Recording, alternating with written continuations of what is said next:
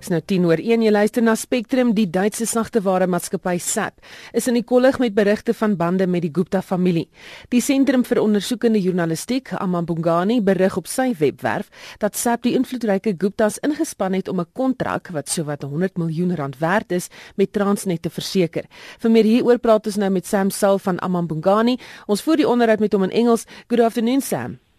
Yes, hello. In short, what did your investigation show with regards to the Guptas and SAP? Okay, it shows that uh, SAP was very keen to get uh, contracts uh, with uh, Transnet.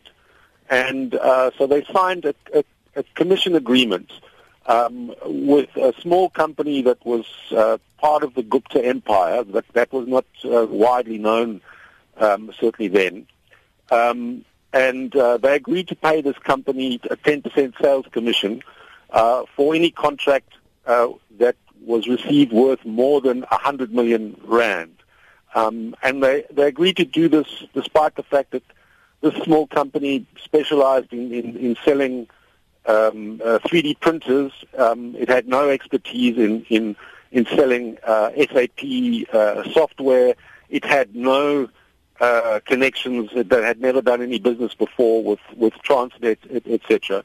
And what our investigation has shown is that uh, SAP, over the course of, of uh, about a year, uh, paid uh, just under 100 million rand um, to into the, this, the, the bank accounts of, of, of this little company, suggesting that uh, that they had achieved on the back of this commission agreement sales of, of, of about a billion rand. Um, the so-called Gupta leaks are revealing more and more information on prominent people and companies. Um, is the end in sight, or should we expect more revelations?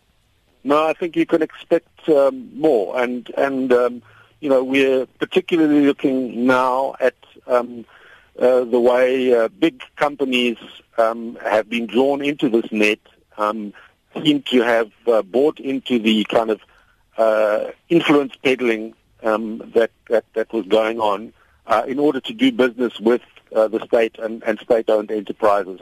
That's certainly what uh, this SAP deal looks like, although SAP have denied that there's anything untoward.